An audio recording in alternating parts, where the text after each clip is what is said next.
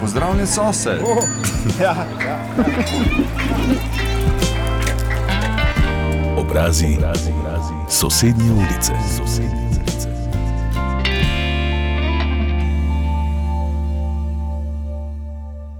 Dober dan, začela se je oddaja Obrazi sosednje ulice na Radiu Maribor. Njeni gostje so bili že zelo različni, zaslužni za premike v humanističnem in tehnološkem napredku, na zemlji, vodi in v zraku. Si upam reči, da današnji gost je zaslužen, da je slovensko, mariborsko znanje poletelo više in to dobesedno. Pogovarjali se bomo z docentom dr. Istokom Krambergerjem, Pozdravljeni. Pozdravljeni. Naš gost prihaja z fakultete za elektrotehniko, računalništvo in informatiko Univerze v Mariboru, z inštituta za elektroniko in telekomunikacije. In gospod Kranberger, vi ste pravzaprav vodja skupine, ki je domislila, izdelala. In potem sicer ne neposredno, ampak v vesolje poslala ta znameniti prvi slovenski satelit, Trisat, v sodelovanju z podjetjem Skylabs. In ta nanosatelit zdaj kroži nekje nad nami, relativno blizu, relativno. Tako je. Ja. Satelit Risat se nahaja v približno 500 km oddaljeni orbiti in še vedno kroži. In bo še nekaj časa v bistvu krožil do njegovega izgoretja. Vse se bova k satelitu še vrnila, ampak jaz bi želela povedati še to, da ste bili eh, izbrani za eh, večerovega znanstvenika Štajerske za leto 2021. Eh, potem vas je pa Slovenska znanstvena fundacija razglasila za Prometeja znanosti za odličnost v komuniciranju. Obe te funkcije, bom rekla, oba ta naziva, oba izbora sta zelo važna, zato ker je zelo pomembno tudi, da znanost komunicira s širšo javnostjo. In na nek način bo tudi to namen te oddaje. Poskušala bova biti kar se da poljudna, ampak eh, ljudem bi pravzaprav rada povedala, kaj eh, naši znanstveniki, raziskovalci v Mariboru počnejo, da so sposobni izdelati zelo, zelo napredne eh, tehnologije, tako kot je ta satelit nekje nad nami. Zdaj pa mi povejte, um, kdaj pravzaprav se je sploh porodila ideja? Ker jaz sem bila na vašem inštitutu leta 2018 in se spomnim, da ste ga takrat omenjali, pa sem ga vzela premalo resno. Kdaj je pravzaprav javnost prvič zastrigla z ošesi, v Mariboru se kuha nekaj velikega? Slovenske javnosti pravzaprav nismo niti uh, od začetka obveščali. Uh, dejansko se pa je ideja porodila leta 2012. Torej, leta 2010 uh, smo nekako podpisali z laboratorijem oziroma z fakulteto pogodbo o sodelovanju in pa se pridružili projektu eh, Evropske vesoljske agencije. Šlo za izobraževalni projekt, ki se je imenoval ESMO ali European Student Moon Orbiter. In cilj te misije je bil v bistvu izdelati satelit, ki bo krožil okoli Lune. In naša ekipa je bila takrat z, z mladimi študenti v bistvu zadolžena za rokovanje s podatki na samem satelitu. Torej, uh, računalniki, komunikacija in podobne stvari. In uh, nažalost je uh, Evropska vesoljska agencija potem zaradi pomankanja finančnih sredstev ta projekt ustavila. Ustavila ga je v fazi, kjer smo nekako predstavili sam načrt, kako bomo to izdelali. In v ta projekt je bilo vključenih 22 držav, torej kar precej ekip. In uh, ko se je to seveda zgodilo, ne, uh, smo mi imeli kar precej nekaj nadobudnih študentov, ki so zajadrali v to tehnologijo, v razumevanje v bistvu, sistemov za vesolje, in se nam je zdelo nekako samoumevno, da pač moramo najti svojo pot v vesolje.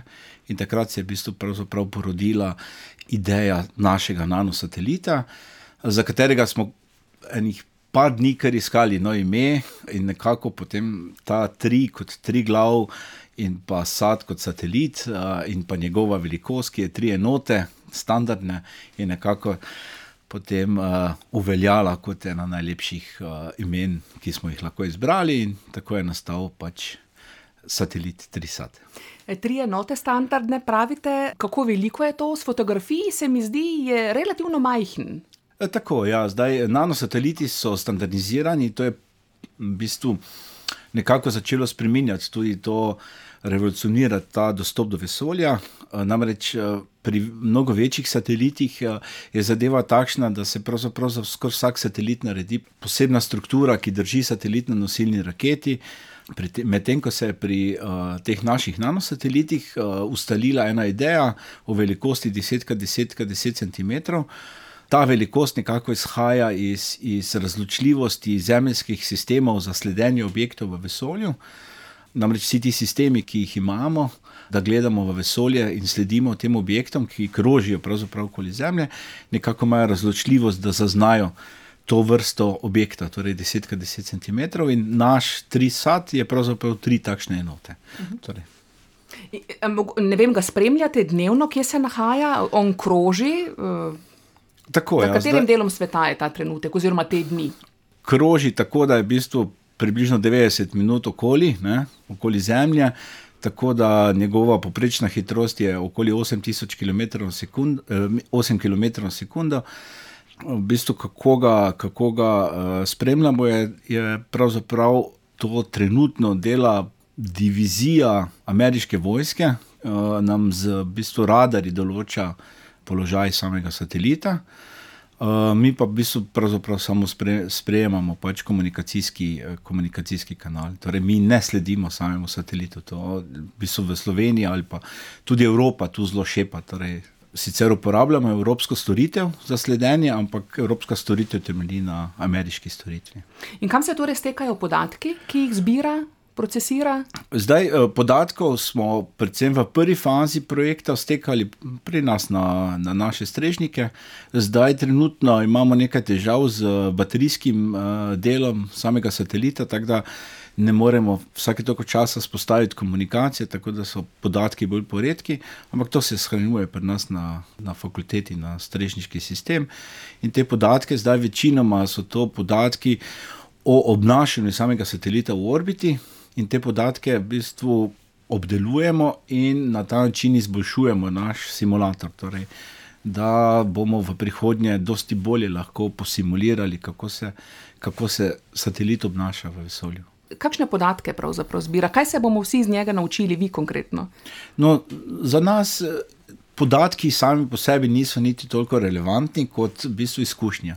Ne? Kako se torej satelit obnaša in počuti? Tako, eh, tudi izkušnja komunikacijskih kanalov, torej kako spostavljati, kako usmerjati antene, kako eh, načrtovati prelete iz podatkov, ki jih eh, predhodno dobimo, kako se tehnologija obnaša, ali deluje zanesljivo, ne deluje zanesljivo. Torej, vse te izkušnje nam seveda pač pomenijo zelo dobro popotnico za naprej. In jaz mislim, da s tem je seveda prvi satelit, kot Trisat, že nekako opravil svojo nalogo v tem smislu, da z temi izkušnjami, ki smo si jih pridobili, torej, in pa z temi podatki, ki smo jih pridobili, pravzaprav lahko že operiramo v prihodnje za, za načrtovanje za naprej. Kakšna pa je njegova življenjska doba? Zdaj, življenjska doba je nekje okoli šest let od izstrelitve. To bomo seveda zdaj videli. Ne? Trenutno smo pač mi to naredili po oceni na osnovi simulacije. In seveda, zdaj pač na ta način, ko izboljšujemo to simulacijo, tudi bomo lažje v prihodnje bolj natančno predvidevali bi življenjsko dobo. Ste si kdaj predstavljali, ko ste bili otrok, ko ste bili fant, fantič, da se boste nekoč ukvarjali z vesoljskimi nanosateliti? Pravzaprav, da, da se bom nekoč ukvarjal z sateliti, oziroma da, da nam bo uspelo satelit utiriti, seveda ne, ne. Moramo pa tu vedno vedeti, ne, da vsaka ledena gora ima dve plati. Ne.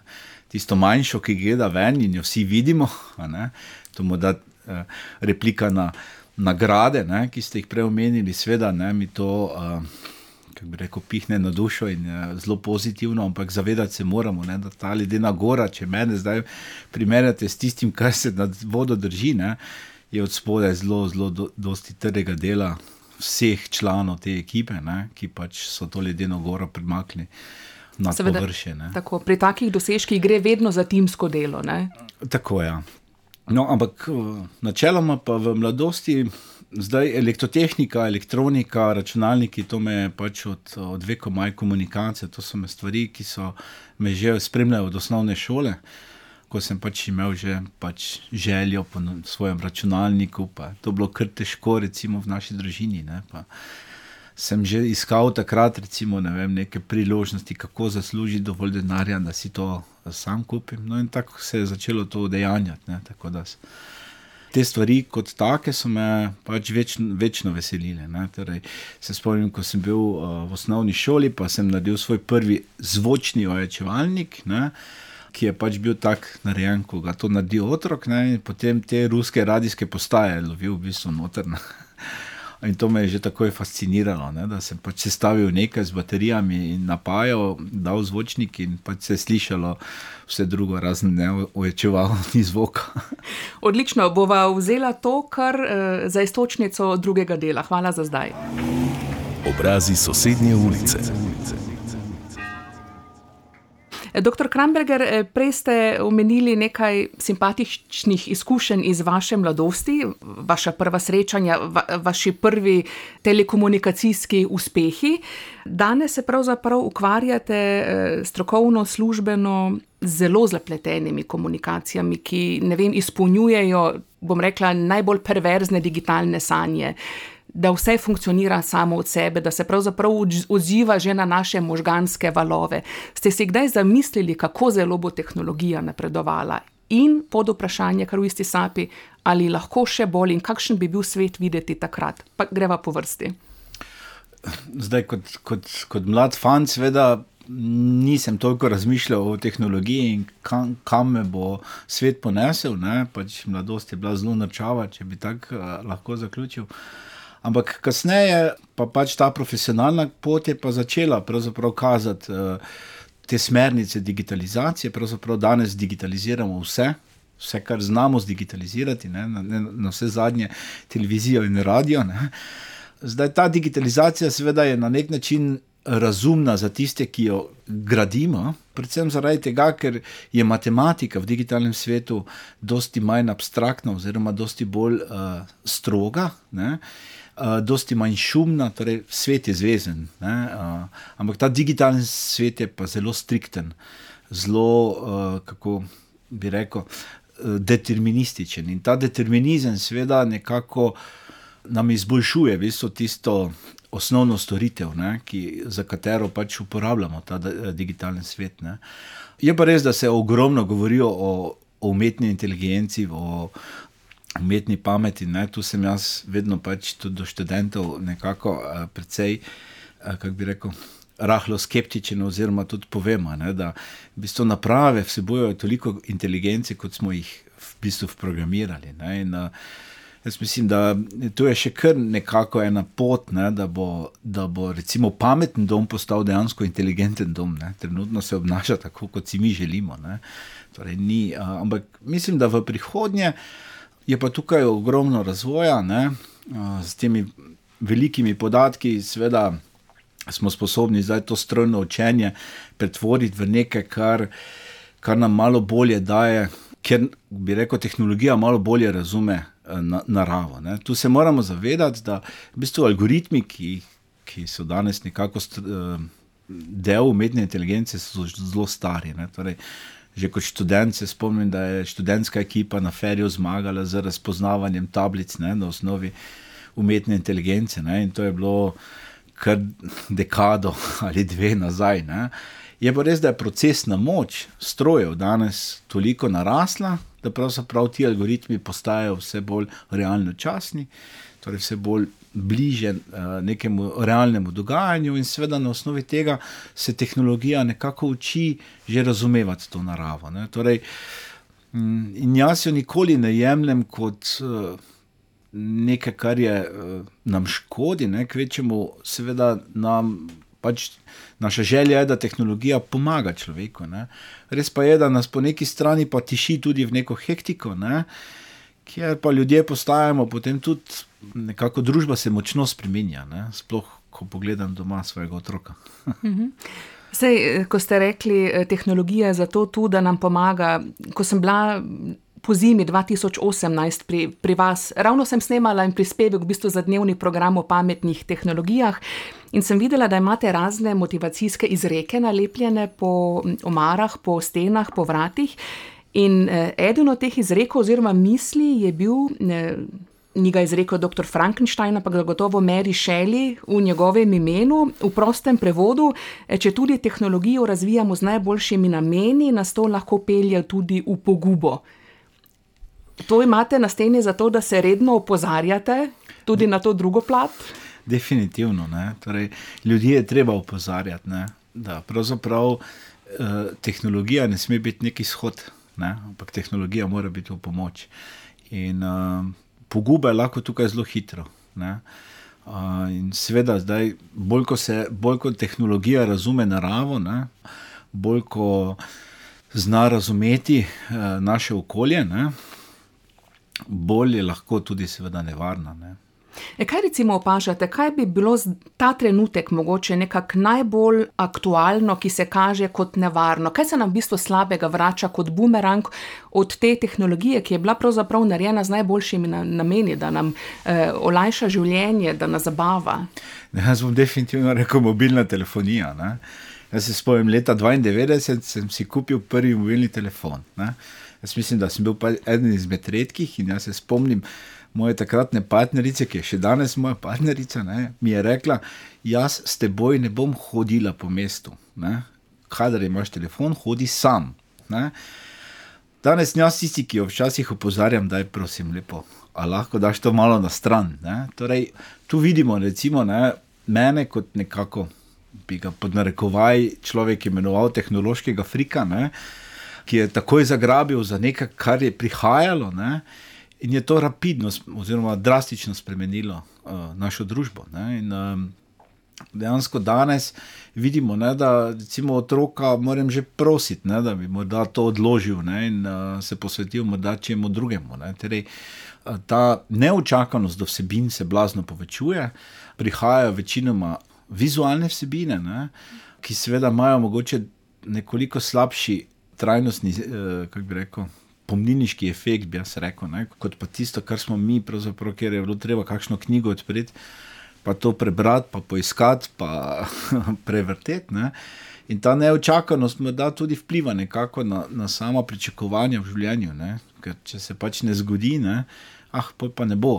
Ne? Torej, ta vztrajnostni moment se mi zdi, da v družbi kar precej usiha. In tu mislim, da že rinemo v, kako bi rekel, neke vrste, uh, kako bi rekel, spremembo družbe. Zdaj je pa res, da na drugi strani se spomnim, pač, recimo, nismo smeli uporabljati kalkulatorjev, danes se uporabljajo kalkulatorji, ne? so pa tudi problemi bolj kompleksnejši. Ne? Torej, na drugi strani ljudje rešujemo tudi kompleksnejše probleme in zato smo si tudi umislili neka urodja. Vse te plati imajo zelo, kako bi rekel, različne poglede ne? in pa učinke. Uh, Ampak jaz mislim, da mobilna telefonija je kar blazno spremenila. In, recimo, jaz sem kar precej ogromno na mobilnem telefonu in tudi mi ljudje, recimo po fakulteti, rečejo, danes pa brez telefona. Ne? Pa sem zadnjič ravno uh, omenil, da ja, je za peto generacijo že imamo med nekaterimi v glavah, ne, da ne bo dal daleč. Ne. V šali, seveda, povedano. Razumem. V tretjem delu eh, vam bom kar na začetku že zastavila eh, težko vprašanje. Obrazi sosednje ulice. Dr. Istok Kramberger je naš gost z eh, Fakultete za elektrotehniko, računalništvo in informatiko Univerze v Mariboru. V drugem delu sva govorila, eh, da, v bistvu, eh, da je mobilna telefonija mogoče ena taka stropena iglica, ki nas non-stop vleče v skušnjavo. Ne? In glede na to, da smo se v teku tisočletij ljube, ljudje fizično spremenili, recimo, da se nam je zmanjšala čeljust, ker več ni treba trgati surovega ali slabo pečenega mesa, da so ne, se nam, ne vem, eh, imamo bolj fine prste za prijeme in to. Kaj pa naša kognitivna evolucija, kako se bo pod vplivom teh mobilnih, sodobnih, telekomunikacijsko dovršenih aparatov in programov, kako se bomo miselno spremenjali, kognitivno, kaj tu lahko predvidevava. Vem, da niste iz eh, te stroke, ampak zagotovo se tudi eh, kdaj poigrate s to mislijo. Ja, mislim. Distopije prihodnosti. To je precej tako, eh, kako bi rekel tvegano vprašanje. Ne. Se sem rekla, bo, bo izziv. Ja, zdaj, raziskovalno se ogromno ukvarjam z, mislim, torej z umestniki med človekom in strojem. Eh, Na zadnje nam je uspelo ustvariti eh, sistem, kjer z naglavnimi očali v bistvu stimuliramo levo in desno oko z različnimi vzorci, in potem pač na, tukaj na zatilju glave z dvema elektrodama pravzaprav uspešno zaznavamo te signale in se nekako poigravamo z, mi, z mislijo, kako v bistvu preko teh možganskih valov zaznavati, kaj človek gleda, oziroma kaj, eh, na kaj je fokusiran. Ne. To so že recimo neki taki posegi, ne, kjer se v bistvu dotikamo samih možganskih sistemov. Ne. Sicer, Nevrologije, tako tako rekoč. Sicer ne invazivno, ne, seveda razumno, ampak a, pač, torej z tipanjem samih teh signalov. Ampak tu vidim, ne, da stvari tečejo v neki tej smeri. Zdaj se je začelo, predvsem, a, koliko vidim in spremljam. To področje raziskav, pa tudi nekaj ponudb smo zdaj imeli iz sosednje Avstrije, predvsem v smeri uporabe tega v zdravstvene namene, kar nekako kaže, ne, da, da ti tipi umestnikov že prihajajo tudi v, v neko medicinsko okolje. Uh, jaz mislim, da tega bo vedno več. Uh, torej, potem, če pogledamo recimo um, te skeletone, ne, uh, človeške, ne, tudi tega je, uh, recimo mi zdaj spremljamo, predvsem zaradi tega pajkovca, ki ga razvijamo. Uh, skupaj z podjetjem Skylabs, predvsem gledamo dosti te motorike ne, in uh, je- opaziti recimo, ne, uh, razvoj v smeri teh skeletonov, ki jih v bistvu oblečeš in ti pomagajo teči, dvigovati in podobno. Ne. Torej, vidim, da tehnologija pravzaprav vse plati. Uh, Kako bi rekel, človeškega eh, telesa ali pa človeške narave, nekako je že začela naslavljati. Ne? In Nekaj gre v dobri smeri, ne? kot pomoč, recimo invalidom in podobno. Tudi ta naš, naš cilj je bil pravzaprav bolj pomoč invalidom, torej da te neke aktivnosti v nekem domačem okolju povežemo z vizualno aktuacijo. Ne? Torej, recimo, če, Govoriva o tem skeletonu. Eh, Ne, zdaj govorimo o tem mm. možganskih umestnikih. Ne? Torej, če si predstavljate, da imate pravzaprav simbole, ne? ki oddajajo nek določen vzorec, in mi potem preko možganskih valov zaznamo, da uporabnik gleda ta vzorec, lahko sprožimo neko ak aktuacijo, naprimer ne vem, vklop luči. In seveda to je recimo za invalide lahko zelo dober pripomoček. Ne? Pač morda ne, se, ne sežejo do stikala, ampak lahko vklopijo luč. naprimer. Uh, No. Dajte nam mogoče še mal, malce ta skeleton opisati, na kak način ta lahko služi človeku. No, tukaj pa vidim, v bistvu, na eni strani se razvijajo skeletoni, pri nas močna ekipa, uh, dr. Holobarja, vem, da zaznava mišične aktivnosti, ne, pa živčne aktivnosti po telesu. Ne, si predstavljam, da v pri- prihodnje ne, bo, bo nek hibrid tega, ne, morda celo invalidom omogočal, da bojo, naprimer, ne, rečemo, hodili. Ne.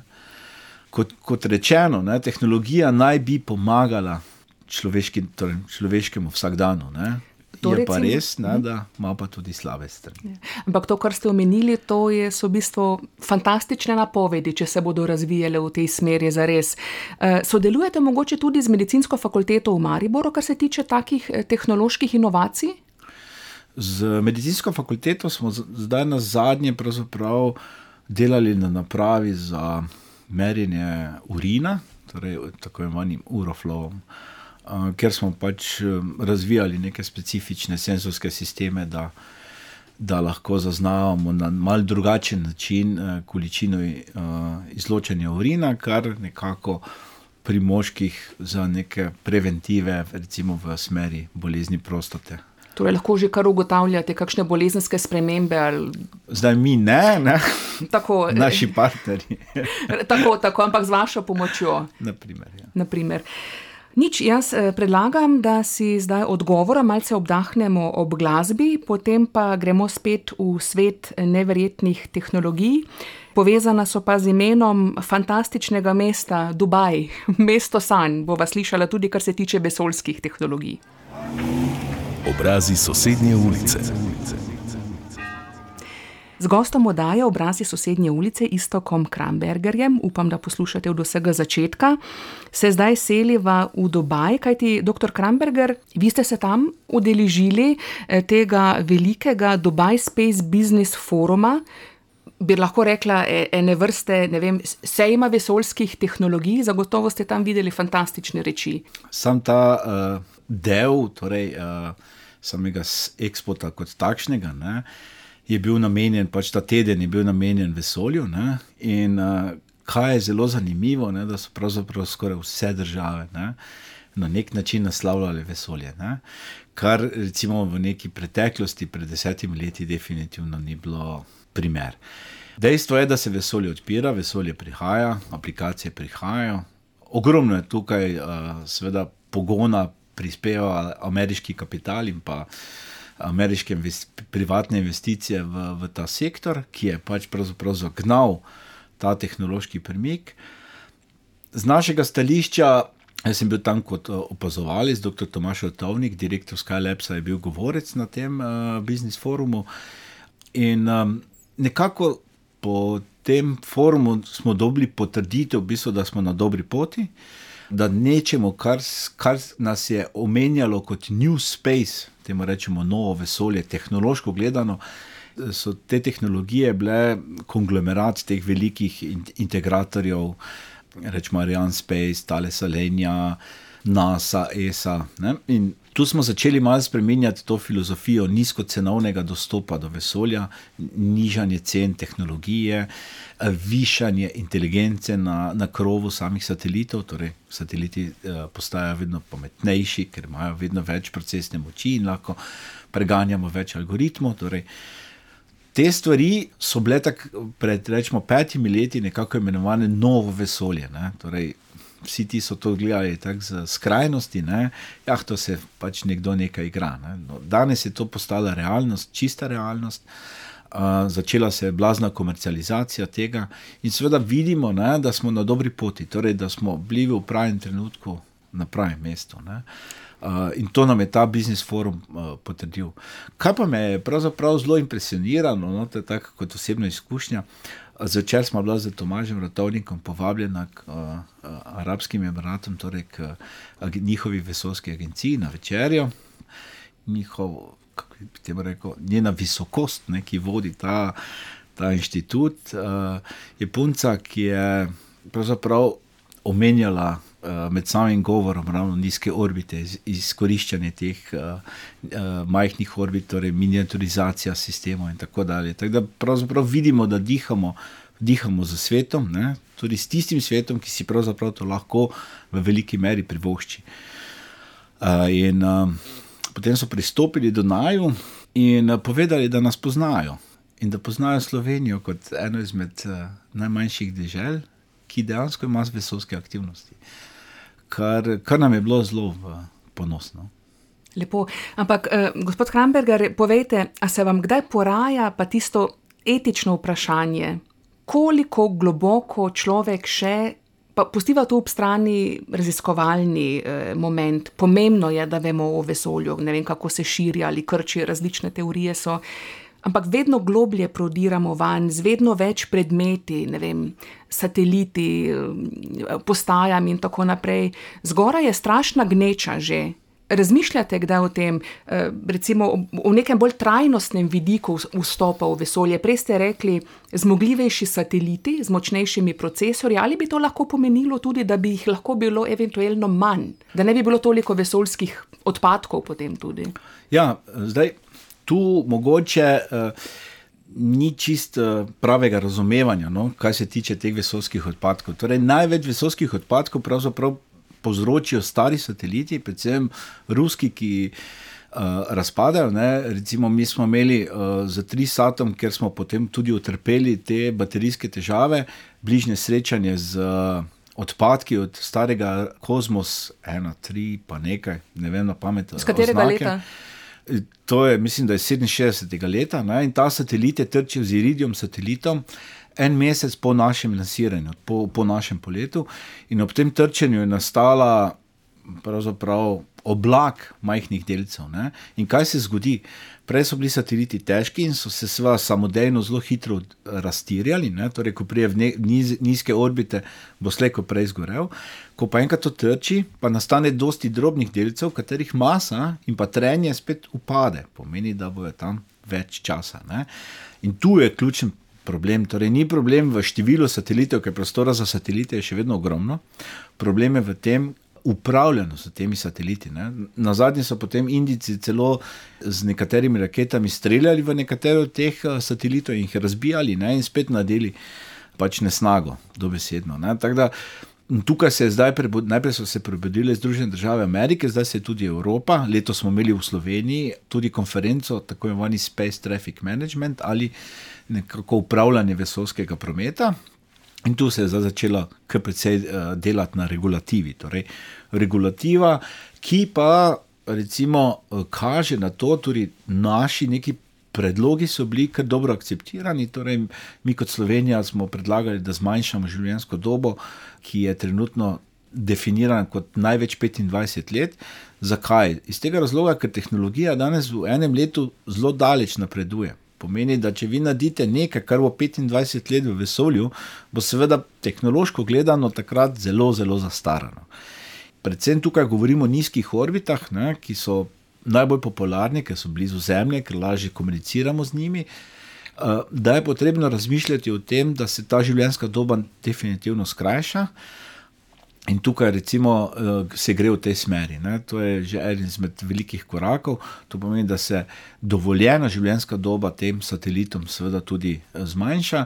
Sateliti bojo v prihodnje tudi se bo zahtevalo, da imajo tako imenovani sistem za raztirjevanje, torej, eh, da se lahko tudi pravočasno uničijo. Tako da tu je kar precej aktivnosti no? v, v nek dolgoročen koncept. Seveda, zdaj, tu se najdejo pol takoj, kako bi rekel uh, trenja med uh, rečemo, Združenimi državami Amerike, Evropo, Evropsko unijo in pa seveda Kitajsko, ne, pa Indijo, ki so zelo aktivni. Ampak jaz mislim, da slejko prej bo prišlo do nekega smiselnega konsensa na tem področju. Tako da prostora je dovolj, seveda pa je treba pra, pravilno pristopiti. Torej, da se nizke orbite izrabljajo v takem smislu, da se pravočasno tudi ti sateliti uh, uničijo kot taki. Ne. Obrazi sosednje ulice. Po vesolju se gibljemo, čeprav trdno na tleh. V tokratni oddaji obrazi sosednje ulice eh, dr. Istok eh, Kramberger. No, sicer pa imate med drugim na inštitutu tudi še en izvesek, ko sem jih prej omenjala, ravno te motivacijske plakate. Imate tudi Newtonov citat: S pravo silo se da vse. Ampak to, to, ta, ta citat bolj govori, da dosti razmišljamo, kako pač take bolj. Uh, kakšne utopične, recimo moje, so bile, kako bi na Luni lahko prikazal reklamo, ne? pa bi pač Coca-Cola prodali uh, sistem za. Da, ko akola napišemo na Luni, verjetno smo zmagali. Če znamo to preoblikovati, drugi dan v Pepsi smo še enkrat bolj zmagali. Glede na to, koliko dajo denarja za eno reklamo v, v košarki, ne, uh, ameriški, ne, vemo, uh, kje bi bili danes. Ampak uh, takrat dosti krat razmišljamo, ne, kako pravzaprav na Luni, nekak, ki nima, nima atmosfere ne, in um, sicer manjšo gravitacijo, ampak vseeno preleti z zelo visoko hitrostjo. Ne, kako brez pogona pristati. Pač, to je tono, spravo silo se da vse. Tako, vedno je zraven še nekaj sanjarjenja. Ne? Vedno. vedno. Ampak kaj je pa recimo vaš naslednji realen cilj z vašim timom recimo, na Univerzi v Mariboru? Ja, zdaj, uh, realni cilj, mi nekako um, se že pogovarjamo za Ariane Space, torej Ariane Space načrtuje en polet na Luno. Uh, za tem poletom bi se naj utirjal tako imenovani komunikacijski in pa klasični, torej, kako bi temu povedal, prehod.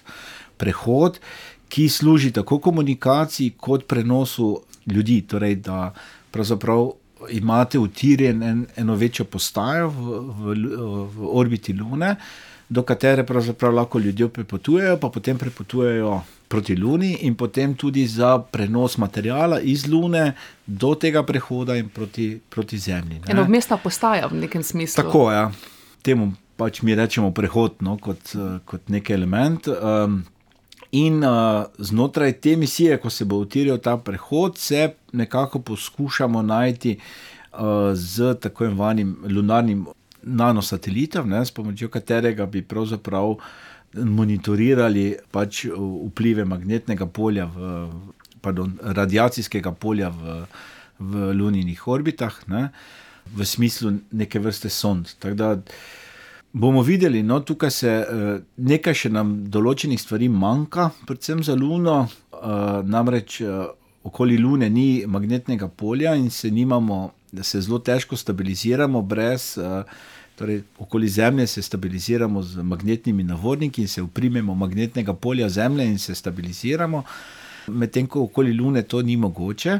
Zdaj tudi z kolesi, strajniki je to zelo težavno, predvsem zato, ker se nasičijo in potem jih ne moreš, kako bi rekel, temu rečemo desaturacija ali razširiti. No, če jih ustaviš, se potem začneš nekontrolirano vrteti.